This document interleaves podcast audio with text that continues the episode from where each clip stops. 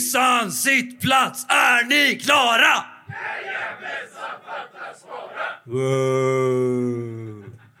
Hejsan sittplats, är ni klara?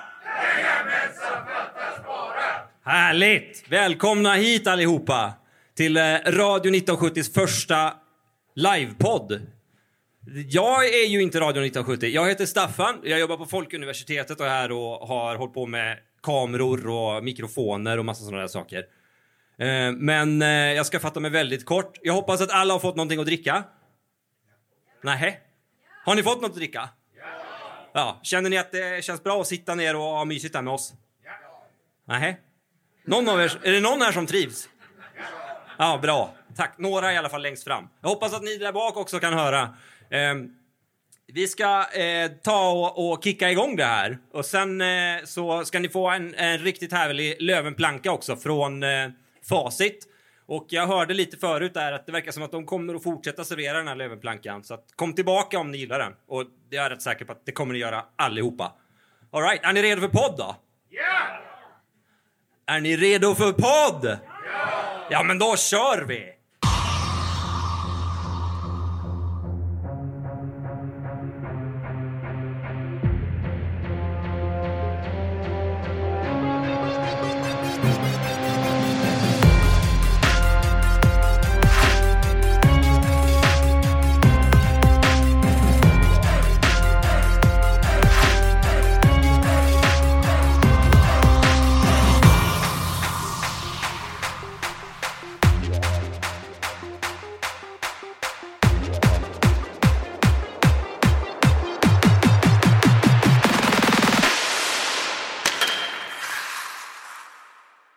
Hej! Välkomna!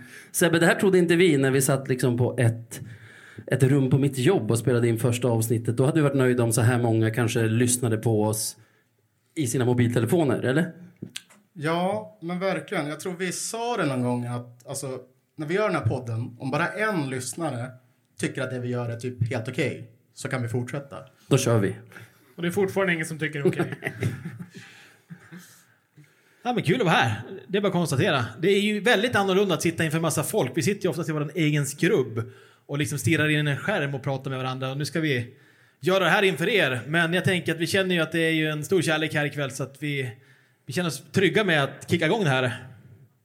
Absolut. Då rullar vi en vignett till tror jag. Så vi kommer in i rätt mode. Good times, boys. Let's keep the fucking shit train rolling. Take it to the final destination.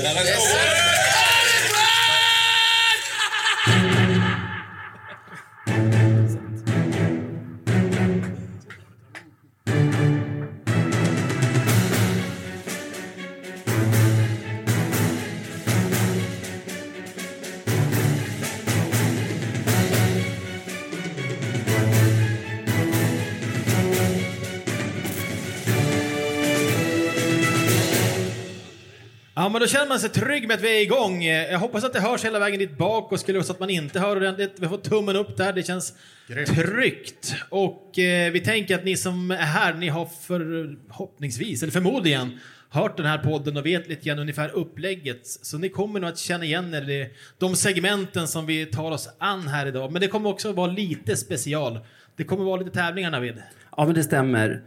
Ni kommer få, när ni köper en planka, om ni inte redan har gjort det, kommer ni få en lott. Varje gång ni går och handlar i baren kommer ni få en ny lott. Och de här lotterna ska ni hålla i, för vi kommer efter podden att eh, dela ut lite priser. Och, ja, till, till några utav er, inte alla såklart. Så alltså, ju mer man käkar och dricker, desto större chans att vinna. Precis. Precis. Om ni kollar på era bord så finns det även någon sorts QR-kod som ni kan, som ni kan blippa in om ni vill bli patrons till den här podden och bidra på andra sätt än att vara här ikväll. Och för alla som blir det nu och alla som är det sedan tidigare kommer vi också köra en dragning på, vi bestämde 13-dagen va? 6 januari. Stämmer bra. Som vi kommer att dra bland nya och gamla patrons vinnare som kommer att få Få en kväll på ladan, mat och hockey business lounge och man kommer även få en signerad klubba av vem Jesper? Ja, Kronholm. Oh. Så det, är, det är inte fake utan den är signerad. Av Kronholm. Vi hittar den i Sävar någonstans. Ja, Ja, men det här kan bli en pluskväll helt enkelt om man lyckas vinna. Eh, Men jag tänkte att vi ska direkt hoppa in i det vi brukar göra, snacka hockey. Och eh, det har ju gått en höst nu med lite blandade resultat så vi har plockat ut lite rubriker från den här eh, hösten som har varit som vi tänkte att vi skulle djupdyka i lite grann. Och eh, Sebbe, du får ordet. Vad har du satt för första rubrik här? Ja, men om det spelmässigt inte har varit så jävla bra så tycker jag ändå att supportermässigt så har Hockeyallsvenskan hållit en, en, en hög klass. Och inte bara Hockeyallsvenskan utan även SHL. Och jag tänker främst på ja, men alla tifon som varit runt om i Sverige. För hör och häpna, till och med Västervik har haft ett tifo. Liksom. Då vet man att... Har vi något bildbevis på det? Kalmar har väl fan haft två? Ja, till och med Kalmar har haft två. Så det känns som att supportergrupperingar brukar, alltså de börjar ju steppa upp och det är ju jätteroligt när, när spelet liksom lyser med sin frånvaro så att säga. Eller vad, vad tycker ni? Ja, jag håller med, absolut. Det är ju roligt att det visas stöd på läktaren, absolut. Jag följer ju inte andra lag men blev ju överlycklig av att se det tifot som var för Bingo-Micke den kvällen då han hedrades på ladan. Jag tyckte det var riktigt snyggt också.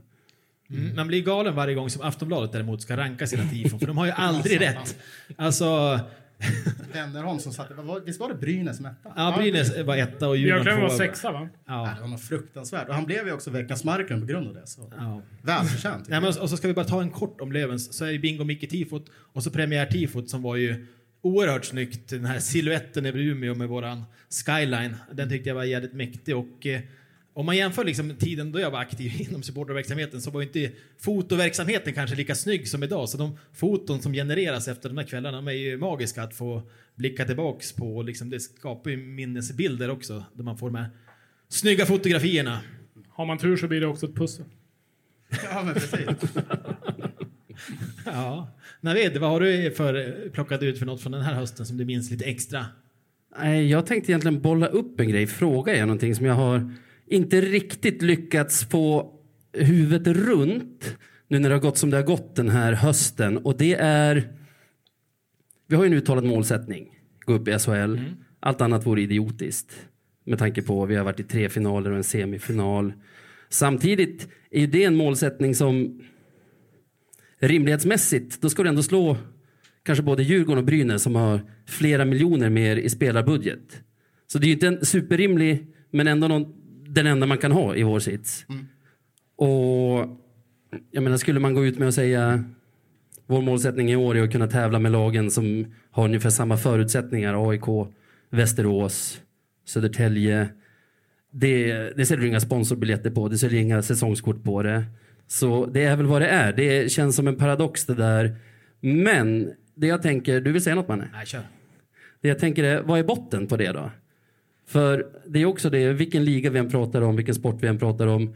Är du som Löven och är där uppe hela tiden, förr eller senare kommer det komma en säsong, om du inte går upp, där det går lite sämre.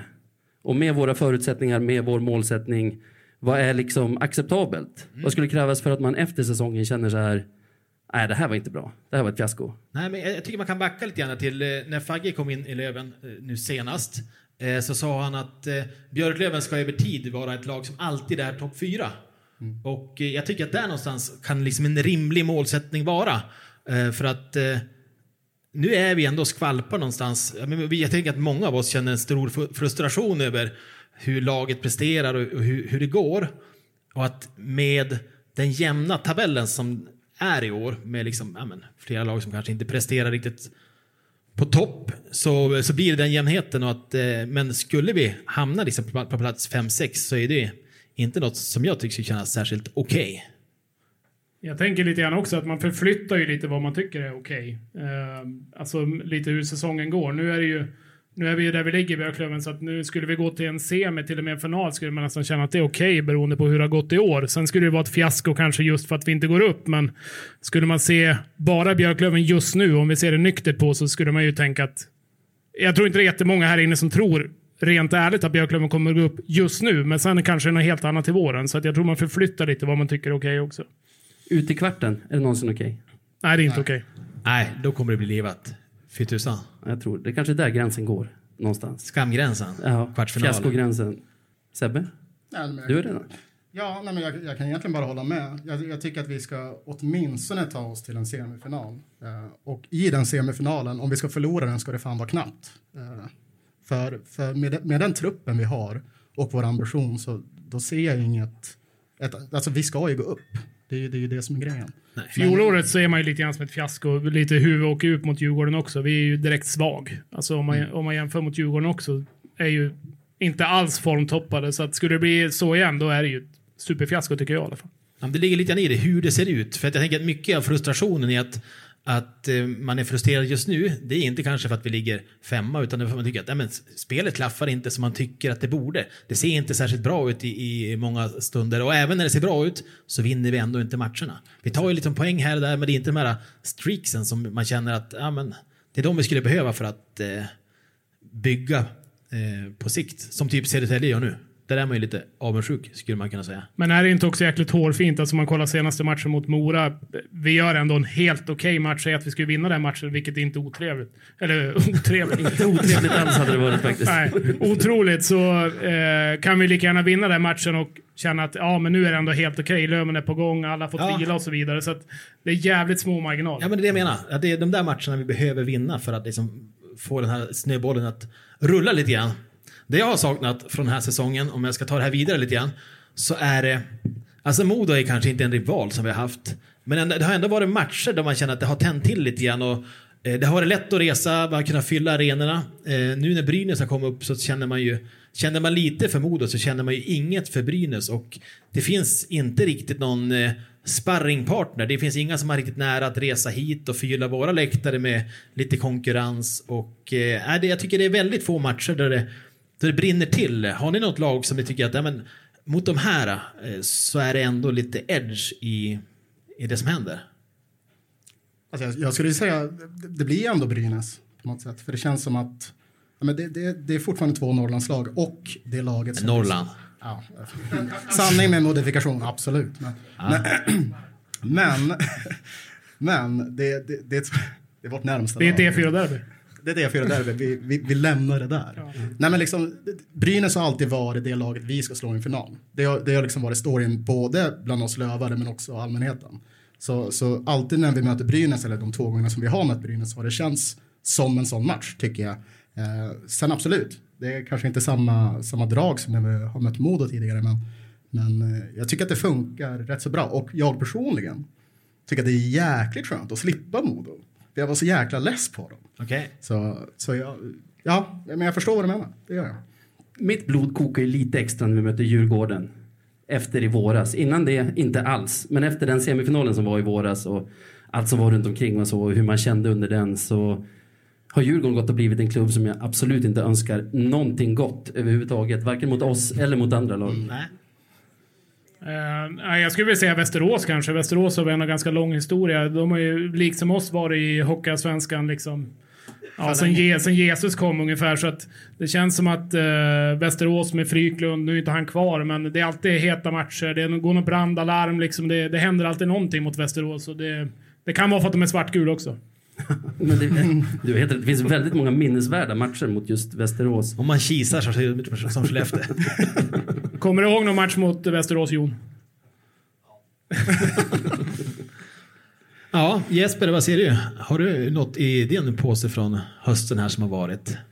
Ja, eh, det är ju en ganska märklig höst. Det känns som att det är inget lag som har varit direkt så här superbra. Eh, Det är klart att Brynäs har stuckit iväg lite grann nu på slutet. Vann ju klart senast mot Östersund, inte för att det är någon jättebedrift. Ehm, de taktar mot 109 poäng. Ehm, kollar man senaste åren, Björklöven fick ju 121 eh, när de tog rekordet. Eh, Modo var strax bakom på 118 eller 111 poäng eller vad de hade. Det var många som hade Alltså ganska mycket poäng. I år känns det som att det är många som kan göra upp om det. Vi har Västerås, vi har Löven, vi har AIK, Södertälje och så vidare. Brynäs givetvis. Så att, eh, det känns som att det är inget lag riktigt som sticker ut på det där sättet. Även om Brynäs har kanske börjat lite grann och dra iväg. Men Eh, många lag har chans på SHL och det har man inte känt riktigt de senaste åren. Det är väl eh, min take på det. Eller Vad säger någon? Om man tar det realistiskt då? För det känns som att varje säsong, förra året var det typ så här Södertälje också som man kände, ja de kan vara med och göra upp om det. Mora kanske är med och gör upp om om det. Och så faller ju de bort på vägen varje år känns det som. Som man kanske bara för någon månad sedan stod och sa, de här kan fan vara med och göra upp om det. realistiskt då, med de trupper som vi har den här säsongen. Brynäs favoriter, vilka hotar dem? Alltså vilka hotar Brynäs? Just nu, Ja, framåt våren. ingen just nu känns det som. Tyvärr. Eh, jag hade önskat att det skulle vara lite, lite jämnare. men- Jesper har just stått och sagt inget lag Nej, men- sticker nej, ut men- jag tycker- Backa med här då för. Nej, nej, nej, men jag, men jag tycker ändå Brynäs har den där edgen på något sätt. Mm. Det, är Trist att medge, men... Men, Men vilka har chansen då? Vilka har chansen att störa Brynäs i en bäst av sju?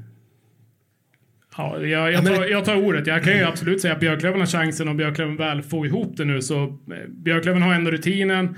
Eh, kolla liksom truppen, flera spelare som har varit med år efter år. Eh, liksom kommer Freddan igång? Kommer Postler igång? Kommer Wiklund igång till exempel som han ändå har gjort? Alltså Björklöven kommer vara jäkligt bra. Har sjukt bra målis. Eh, har ändå ett fungerande boxplay när det vill, powerplay när det vill. Liksom en trupp som är bra. Kanske addera lite grann. Men kolla Djurgården till exempel. Djurgården kommer ju vara hur bra som helst när det slår ihop sig. Eh, liksom det laget som får Djurgården borta i en kvart. Ja, kul. Eh, liksom de kommer ju vara hur bra som helst. Södertälje med Marcus Eriksson, Widell och så vidare. Så jag tänker att det är många lag som kan ge upp om det. Och det, är, det är säkert någon, eller kanske två skräll, skrällar direkt i kvarten. Jag tänker så här att, att Brynäs största motståndare, det är de själva. Eh, de har varit i två playout nu. De rök i fjol. Eh, det är därför de spelar Hockeyallsvenskan. Och eh, de har ju dåliga er- erfarenheter av kvalspel och man vet att det är en stad med, tycker vi att vi har höga krav på vårt lag så eh, har de ju minst lika höga krav i Brynäs. De har en stor arena. Jag kan ju bara tänka mig hur det skulle se ut i Gavlerinken, vi heter den så nu, om eh, Ja, men säg att de skulle möta oss eller Djurgården i en semifinal och torska så att man ligger under med 2-1 i matcher och har förlorat en match på hemmaplan. Det har sett lite risigt ut. Kanske någon skada på någon spelare. Så på tal om vilka som kan utmana så är det ju en ganska kort period i slutspel. Lyckas man ha hela gubbar och eh, ett spel som klaffar då så tänker jag att ja, men det kan vara Djurgården, det kan vara Löven, det kan vara Södertälje. Men det är liksom stjärnorna, stjärnorna ska stå rätt. Ja, men det är de skulle jag säga. Jag skulle säga att AIK, även om de maxar sin prestation, kommer inte kunna störa Brynäs. Västerås, om de maxar sin prestation, kommer inte kunna störa Brynäs. Och vilka är Mora tror jag absolut inte kommer störa någon i slutspelet, fastän de är bra nu i grundserien. Som vanligt. Nej, men jag, jag kan köpa in på det. De fyra lagen eh, har en chans att rubba Brynäs.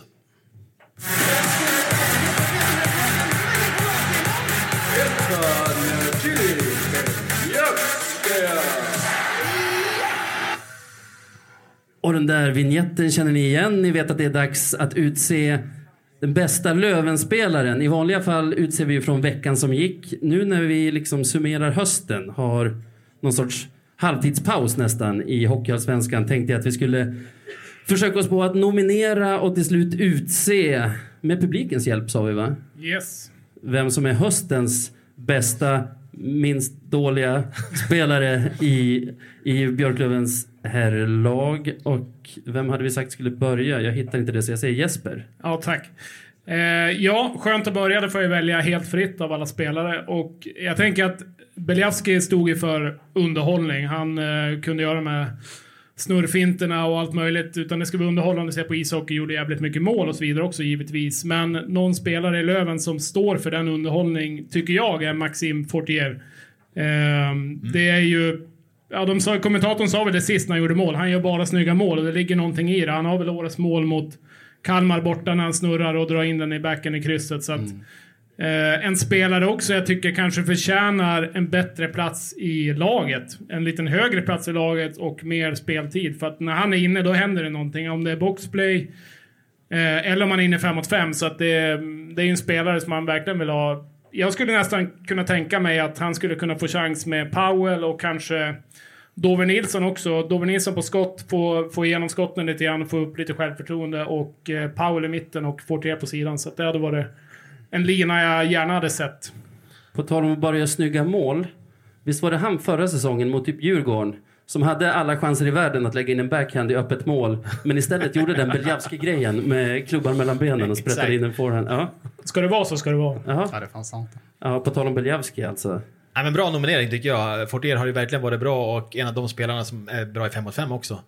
Eh, skapar mycket på egen hand. Eh, kanske lite väl tilltro till hans fart många gånger. Då tycker jag att det kommer väl många lobbpuckar så får vi tänka att åk på den här då. Ja, det har blivit som en grej liksom, inom Löven att spela på Fortier. Liksom. Fortier går lång.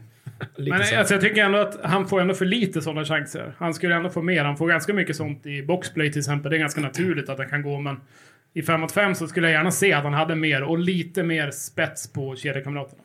Vi slår ganska mycket icing. Jag tänker att varje icing är en misslyckad Fortier i djupet. Manne, Eh, ja, jag har väl kanske inte gått på det flashiga spåret utan jag tänker så här stomme, jag tänker långsiktigt. Och eh, jag tycker inte att eh, kanske våran kaptensgäng har varit mest framstående den här hösten. En kille som jag gärna skulle se med en bokstav på bröstet, det är Joel Mustonen. Jag tycker han är den som är jämnast av... Eh, pausade du för jubel där? här kommer det. Men man, det var ju de som skulle avgöra så jag måste sälja in det här sjukt bra nu så att... eh, Så att Ja, jag såg någon eh, i hörnet där borta som var på väg upp. Och jag har sett någon med Mustonen-tröja här också. Så att, eh, jag tycker han står för otroligt mycket bra saker. Eh, och man har sett han i slutspel också. Han höjer sig där. Eh, gjorde ju en del påsar i fjol.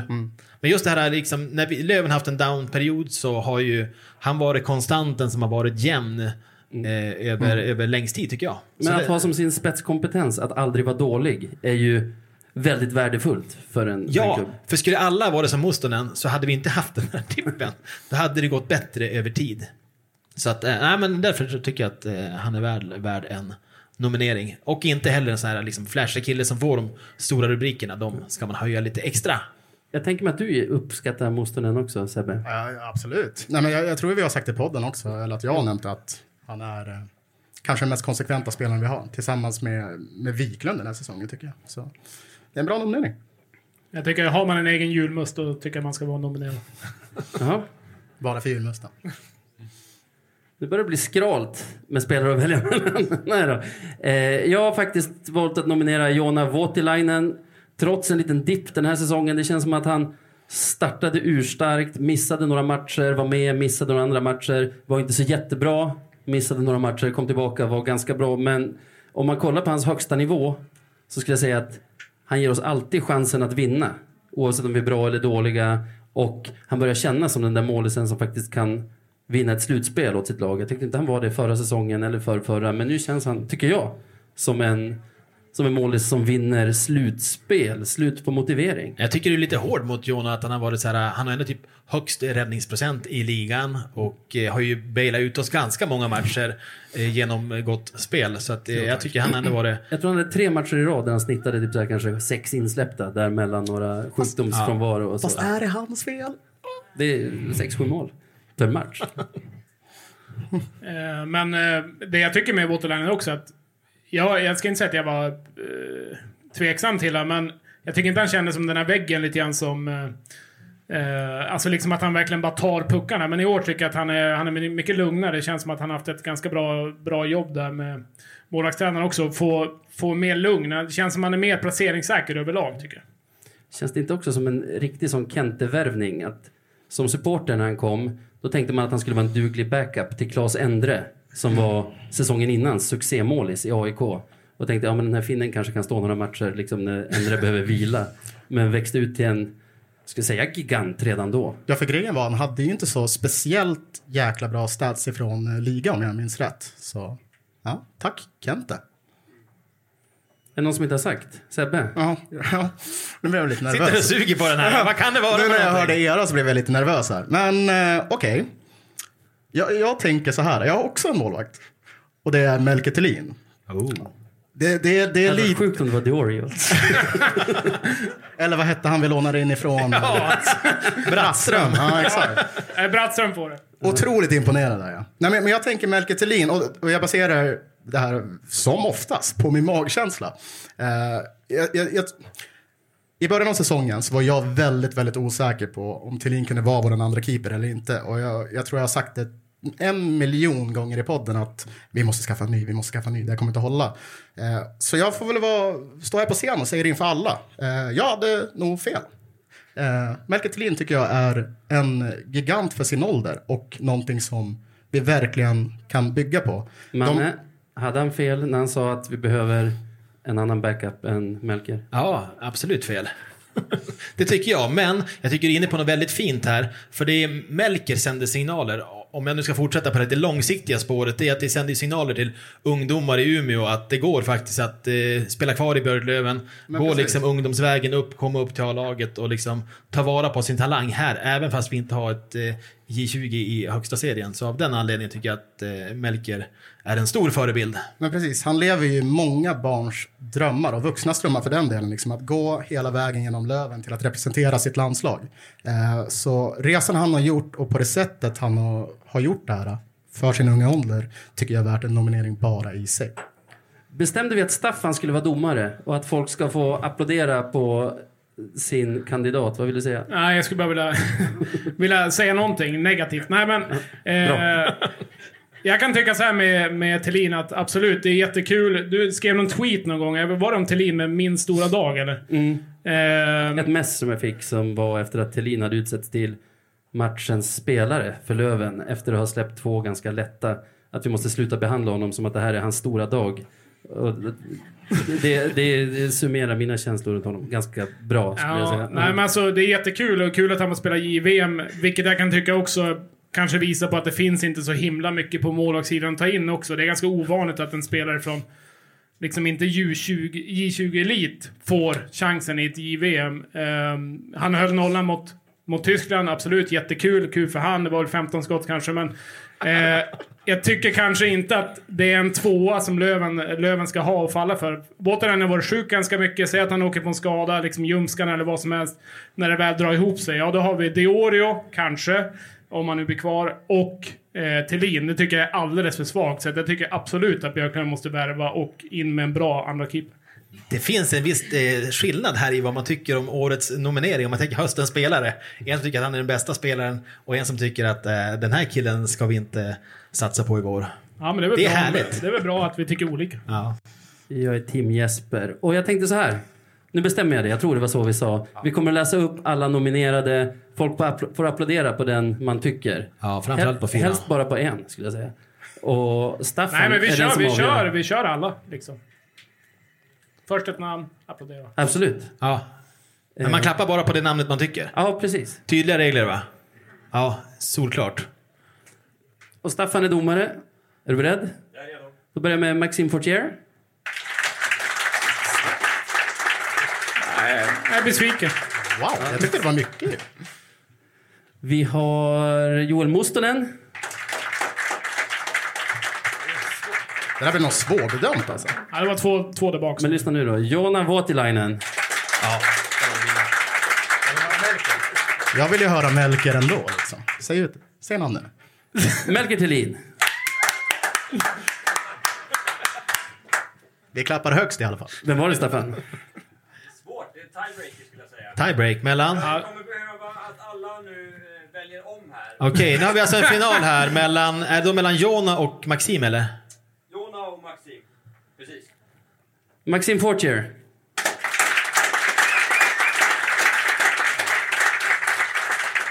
Bra tryck. Joona Voutilainen.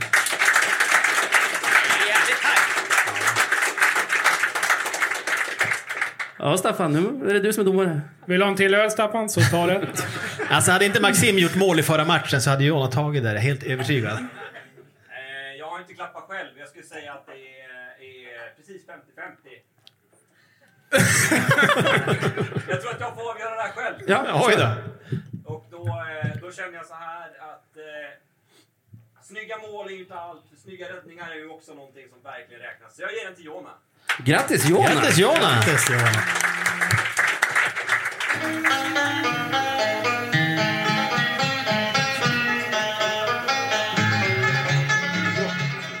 Veckans Marklund.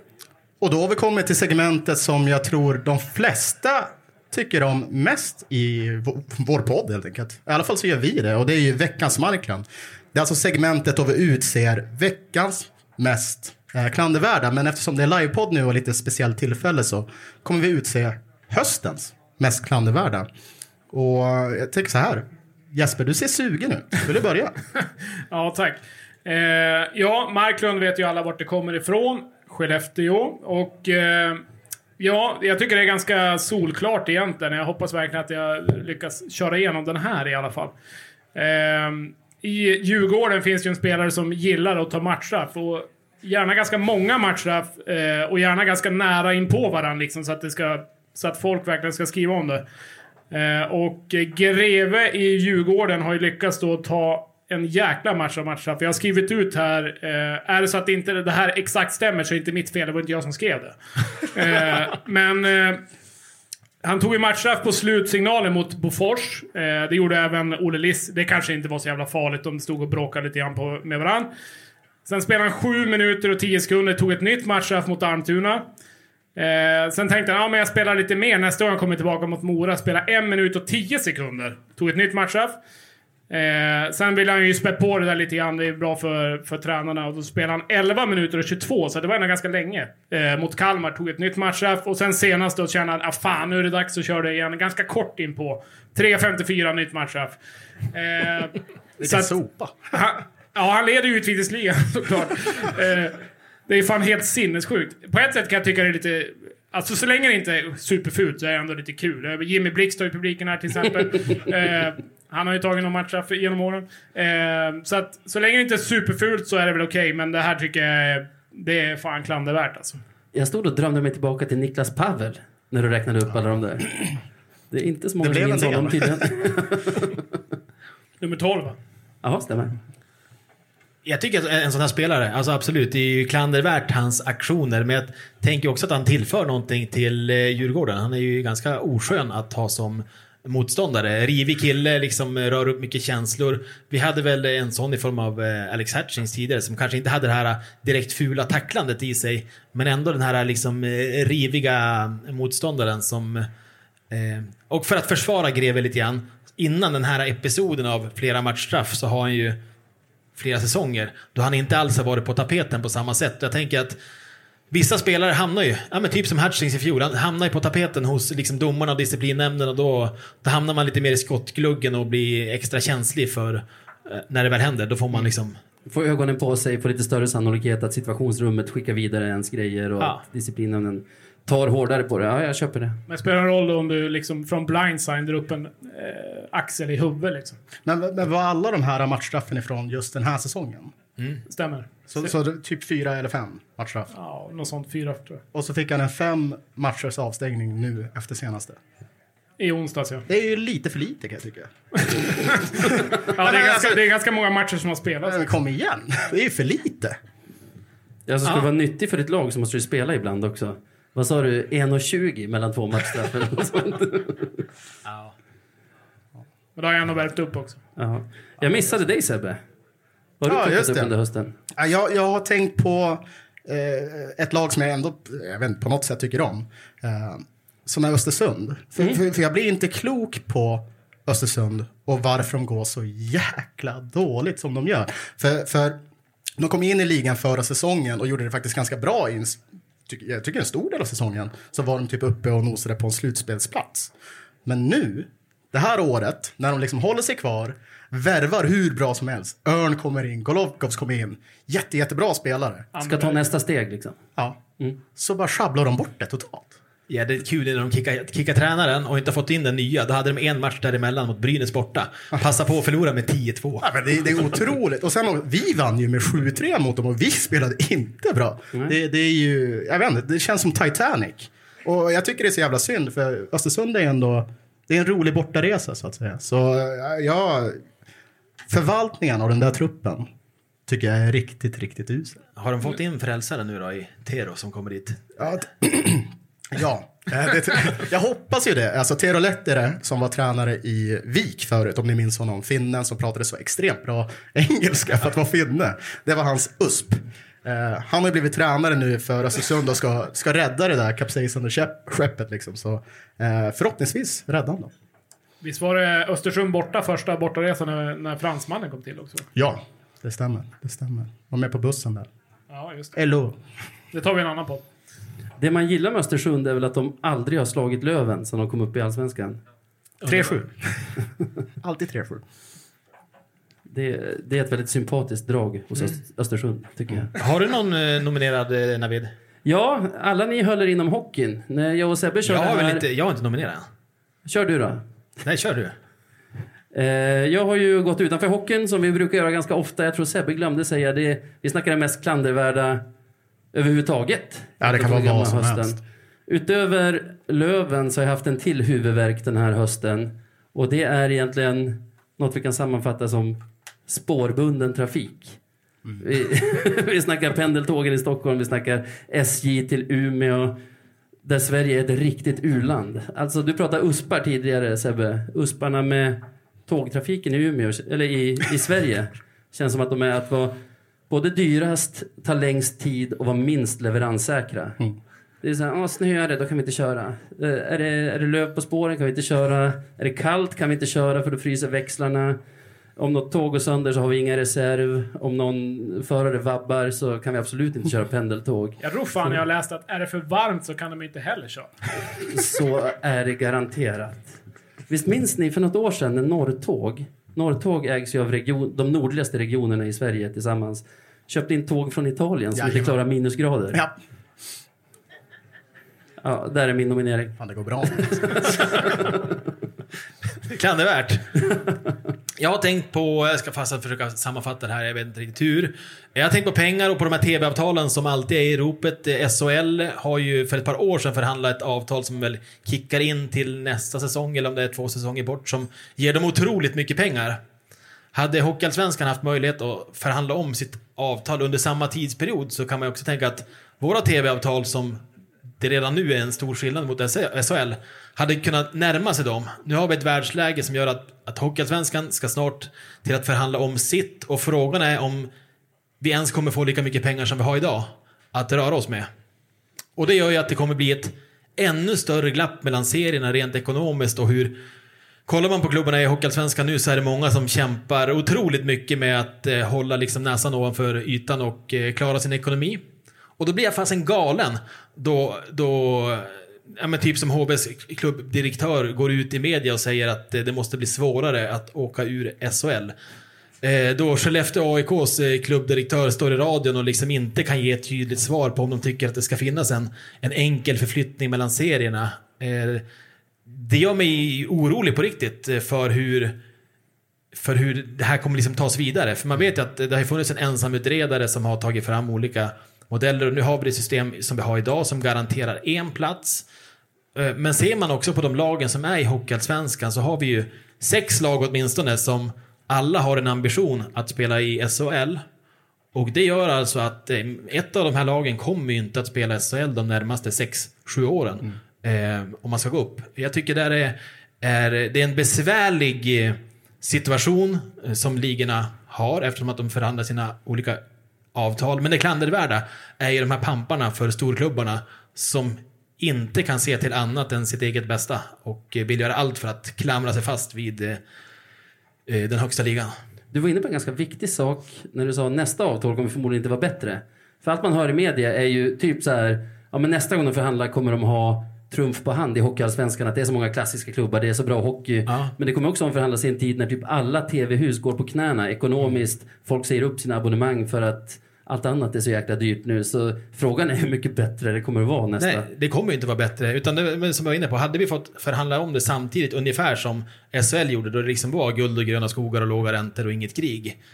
Då hade det kunnat bli bättre, men, men i dagsläget så ser det ju direkt sämre ut. Telia försöker väl till och med eh, klamra sig ur avtalet som de har med SHL idag för att de tycker att det är för dyrt. Och, ja, alltså att ha det här simor avtalet eller TV4 Hockey som det heter, det är fasen nog dyrt som det är. Så att vi vill inte att det ska kosta ännu mer och att ännu mer pengar ska gå just till SHL, för det är inte våran dröm.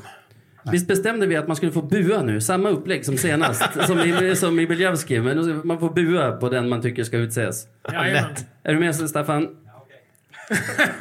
Östersund? Bu! Nej, det var bara jag alltså. Har ni sett dem spela? Nej, tydligen inte.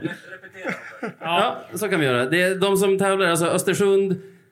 Heter han Albin? Albin Greve. Albin Greve, eh, SHL-pampar är det egentligen där. Och U-landet Sveriges spårtrafik. Ganska lång nominering. Ja, då börjar vi igen med Östersund. Nej. Fick inte med någon på tåget. Ja, men jag såg någon i baren där borta. Albin Greve. Svag, svag. Men jag kände bara att vi... Om vi tar SHL-pamparna då. Du behöver inte ta dina. U-landet Sveriges spårtrafik. Bra, tack. Ja. Ja. ja. Fan, tvåa igen alltså. Uh, gratulerar vi SHL-pamparna då. Det gör vi. Grattis! Stort grattis.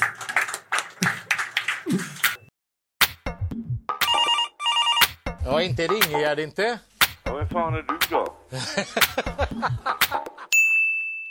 Ja, eh, vem fan är du då som vi har? Vi har bjudit in en gäst idag, eh, om alla hade koll på det. Och eh, det är väl ingen eh, bara vem som helst liksom, utan här har vi Jon Kanon Palmebjörk. Så vi säger välkommen upp på scen.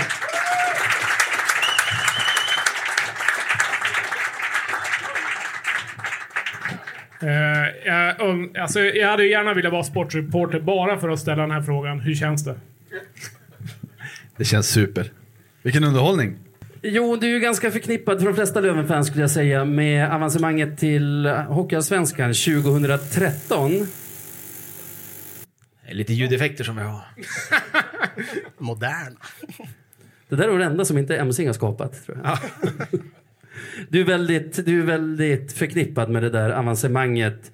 Tänkte gå tillbaka till ett minne som vi delar från den våren som jag tror de flesta här kanske missade. Det är bortamatchen mot Huddinge. Som var den enda jag tror som jag såg på plats.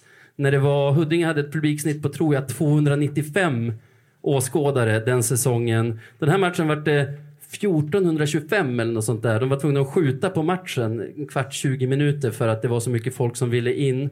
Och det var så här galen stämning som det kunde vara innan de höjde taket i ladan. När det var så här att ljudet bara studsade mellan is och tak och väggar. Och eh, Ta oss dit du. Jag har ju bara upplevt det från läktaren och pratat om det i podden. Kan du prata om det från ert perspektiv? Eh, som jag minns det, eh, rätta mig om jag har fel, Huddinges, eh, Huddinges arena, kan man kalla det för? Eller, Det är lite Vännäs ishallskänsla där. exakt. En, läktare på en sida. Eh, eh, det, det, det säljs korv och popcorn. Eh, liksom, det, det finns inte så mycket mer att, att heja för och ingen folk på läktaren är närmast sörjande. Som jag minns det. Och så kommer vi till eh, under den kvalserien så eh, vi är ju hypade naturligtvis och vi har ju bara ett mål i sikte naturligtvis. Eh, vi ska bara åka till Huddinge. Vi vet att de kommer att ställa till bekymmer men eh, vi får höra liksom i våra förberedelser att matchstarten är försenad för det är några galningar på väg in. Liksom. Eh, och eh, jag, jag, jag minns som en, en, en, en match med enorm stämning, precis som du säger. Taket höll på att lyfta.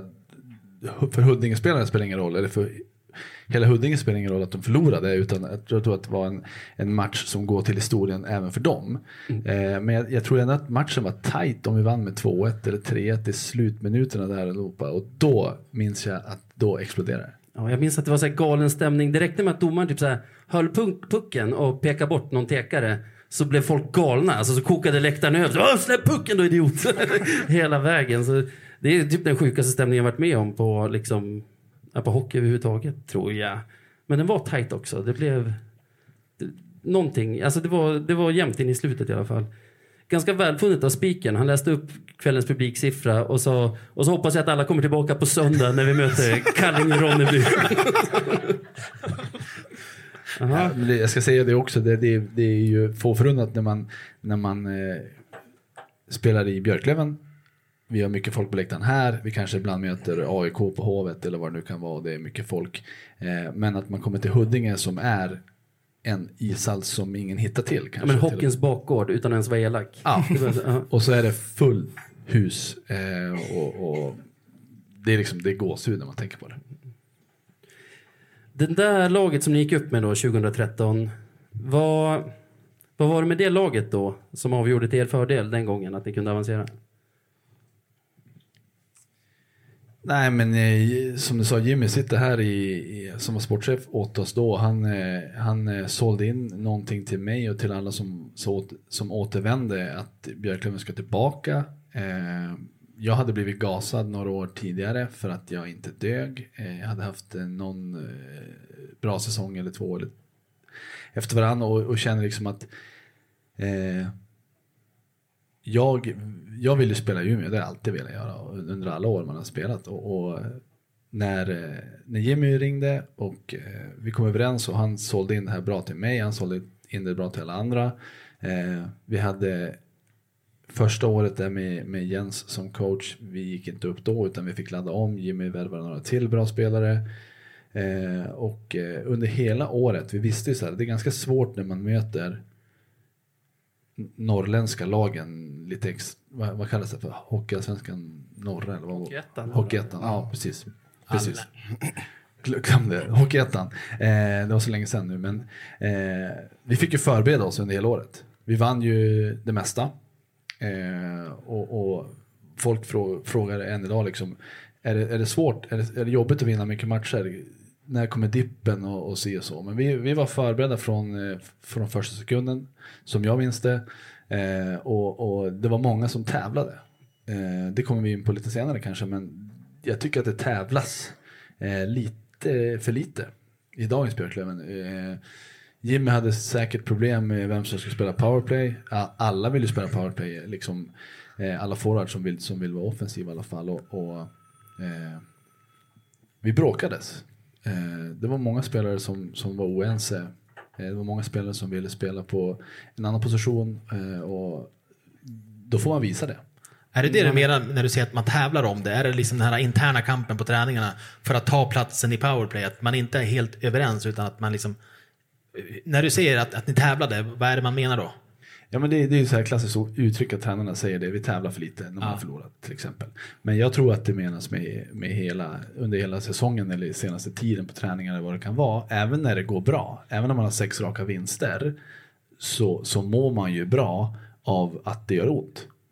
Eh, dels både mentalt men även fysiskt. Liksom någon ska vara där hela tiden och, och, gnaga. Att om du underpresterar eller om du har en dålig dag eller om du är sjuk eller vad det kan vara. Så hårt kan det vara. Då kommer in en ny spelare, levererar den från dag ett. Då kanske du liksom till och med är vid sidan när du kommer tillbaka.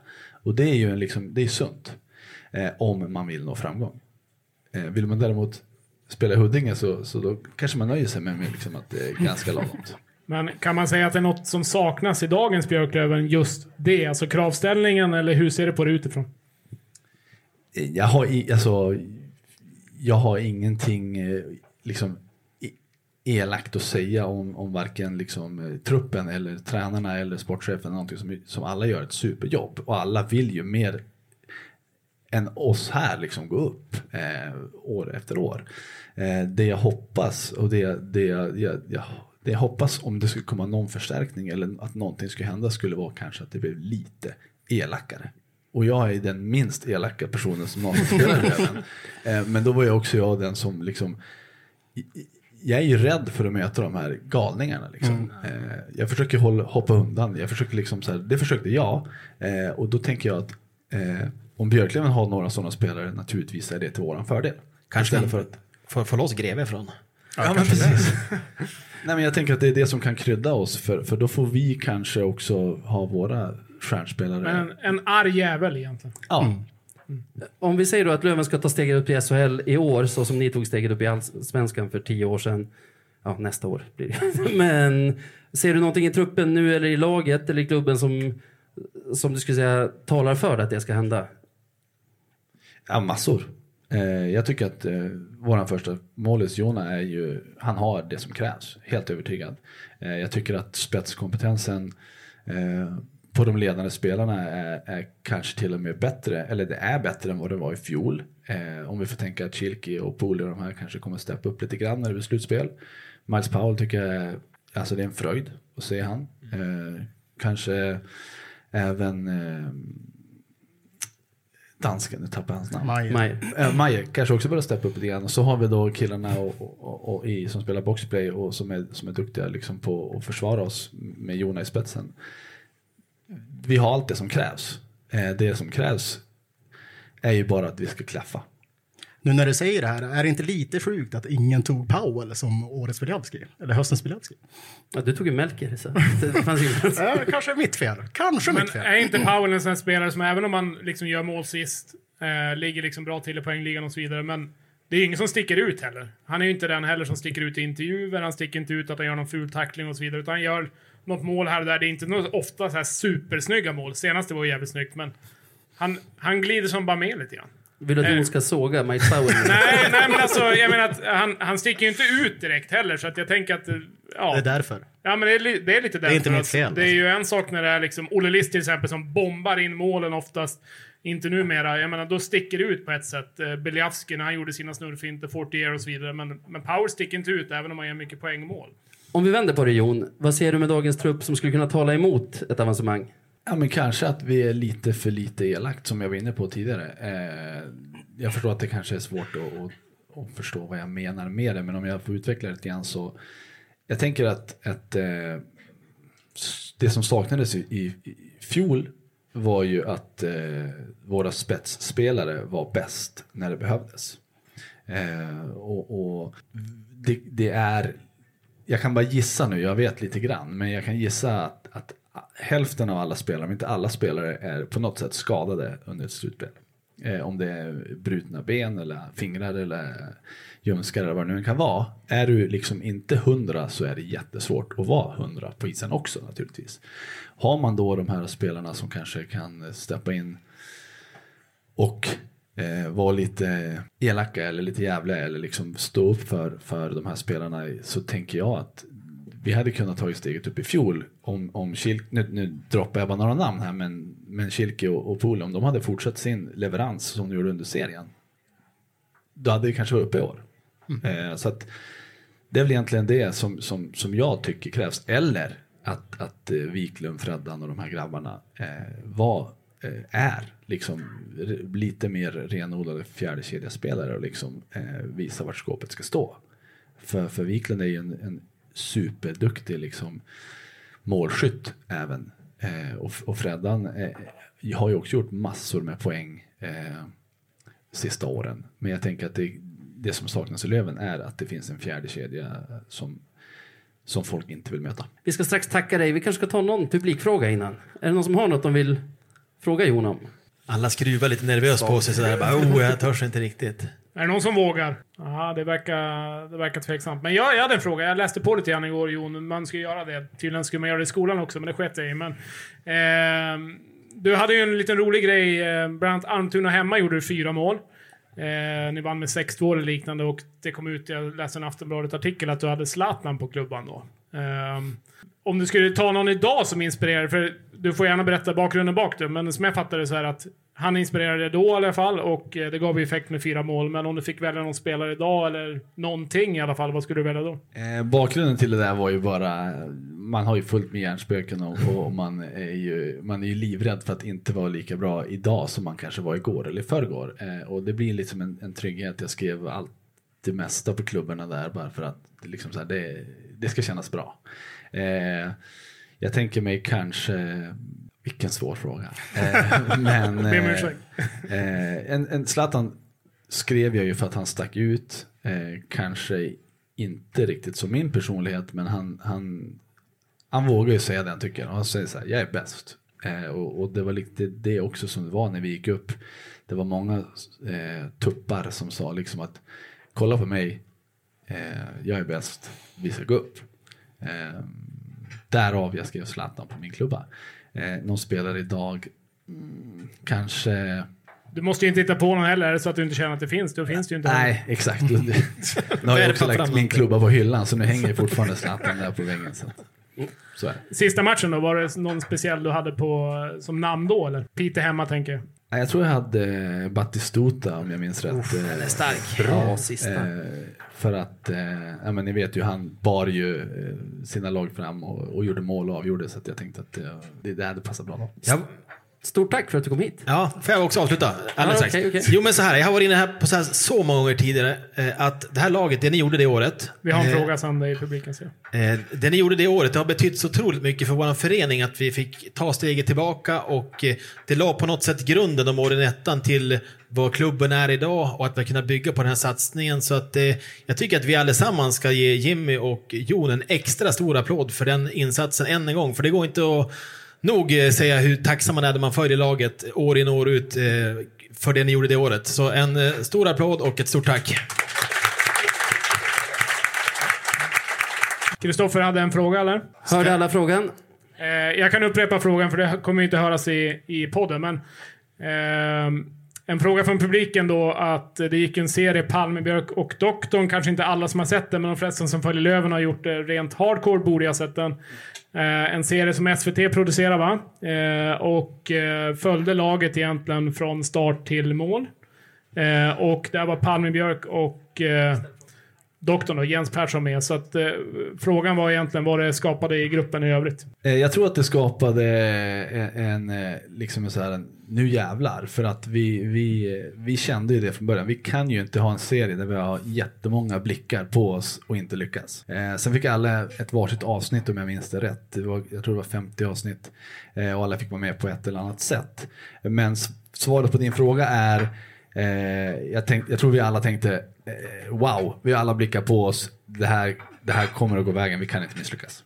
Vi kan ju också breaka det. Du och jag har ju pratat lite grann Jon innan det här om just det. Eh, så att vi kommer ju att ta upp det i poddform också med dig och eh, doktorn vid tillfälle där vi går igenom just, just det. Så det kommer komma lite senare. Det ser jag fram emot. Tack för att du kom hit. Tackar!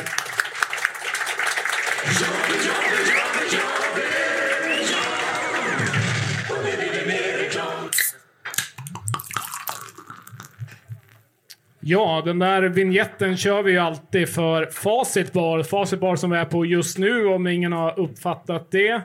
Eh, Emil Åreng skulle jag gärna vilja upp på scen om han är här i lokalen. Det ser jag att han springer ganska Kommer springandes här, jag. Eh, så att eh, vi tar upp Emil Åreng, ger han en applåd och eh, take it away.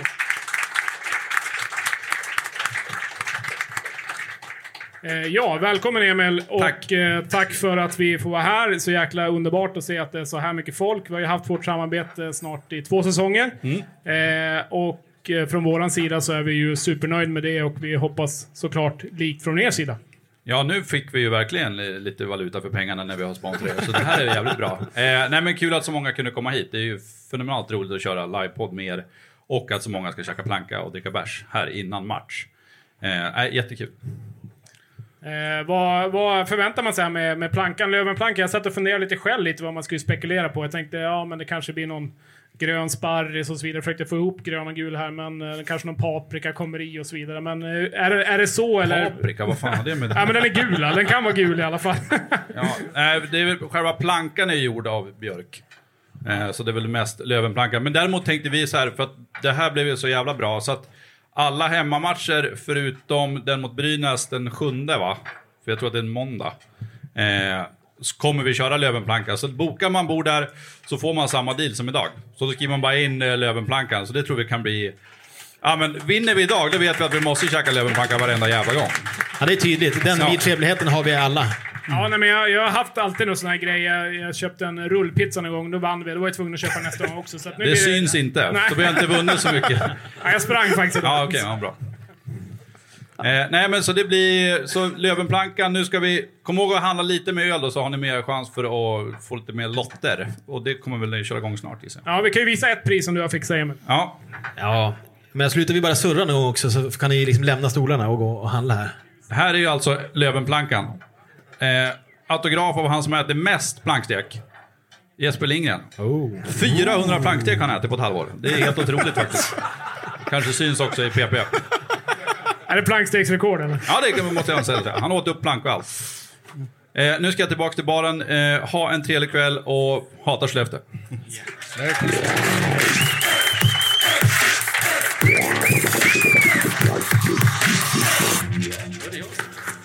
Då så, då tänkte vi sluta prata nu så ni ska få fokusera på den här lövenplankan som Emil just berättade om. Men innan vi gör det, vi tackar Staffan, Folkuniversitetet. Kan vi ta en applåd för honom?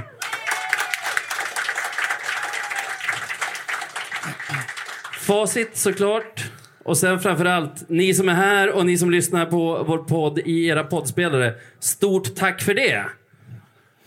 Sebbe, avsluta. Ja, jag säger väl det som jag alltid brukar säga. Ha det gött!